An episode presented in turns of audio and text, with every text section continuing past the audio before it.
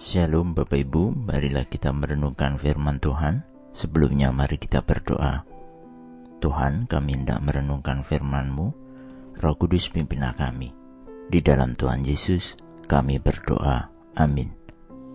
Bacaan saat ini diambil dari Yohanes 12 ayat 24. Yohanes 12 ayat 24. Aku berkata kepadamu, sesungguhnya Jikalau biji gandum tidak jatuh ke dalam tanah dan mati, ia tetap satu biji saja. Tetapi jika ia mati, ia akan menghasilkan banyak buah. Mengenal hal bercocok tanam atau berkebun, salah satunya bisa menjadi gambaran bacaan saat ini.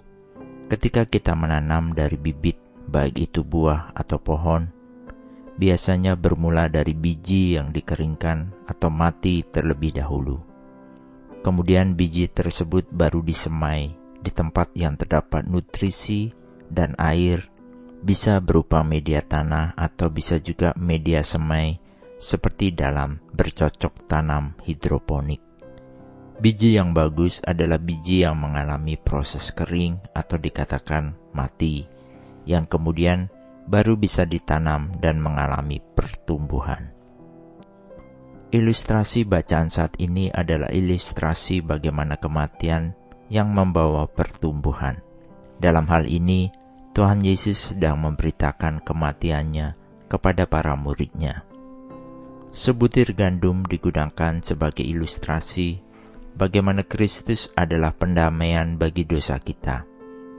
Kristus mati di kayu salib sehingga dia dapat bangkit untuk hidup yang tidak berkematian dan membawa banyak orang percaya kepada kemuliaan. Yesus adalah benih tunggal yang kematiannya menghasilkan buah yang berlimpah.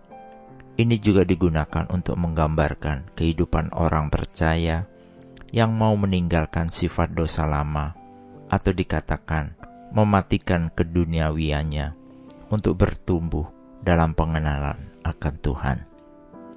Kolose 3 ayat 5 menuliskan, Karena itu matikanlah dalam dirimu segala sesuatu yang duniawi, yaitu pencabulan, kenajisan, hawa nafsu, nafsu jahat, dan juga keserakahan, yang sama dengan penyembahan berhala.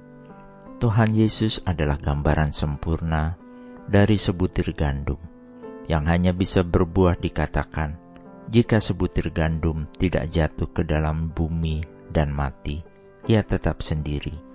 Tetapi jika ia mati, ia menghasilkan banyak buah.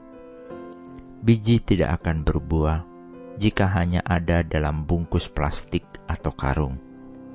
Hidup kita dan hati kita adalah tempat semai di mana biji itu bisa bertumbuh Ketika kita menerima anugerah keselamatan dengan percaya kepada Kristus, maka perkataan Kristus, yaitu Alkitab yang terbuka, harus selalu dibaca, dipelajari, direnungkan. Maka hal ini akan membawa pikiran, perkataan, perbuatan, dan motivasi kita senantiasa dipengaruhi dan dikuasai oleh Kristus, sehingga hidup kita adalah hidup yang berbuah. Amin. Mari kita berdoa. Bapa Surgawi, kami bersyukur untuk kematian Tuhan yang telah membawa kami dalam pertumbuhan iman kepada Kristus. Kami ditebus dan diselamatkan. Tetapi tidak itu saja Tuhan. Tuhan mau kami menjadi tempat di mana firman itu memberikan pertumbuhan bagi kehidupan kami dan sesama kami. Terpujilah Engkau senantiasa Tuhan. Di dalam Tuhan Yesus kami bersyukur dan berdoa. Amin. Tuhan Yesus memberkati. Shalom.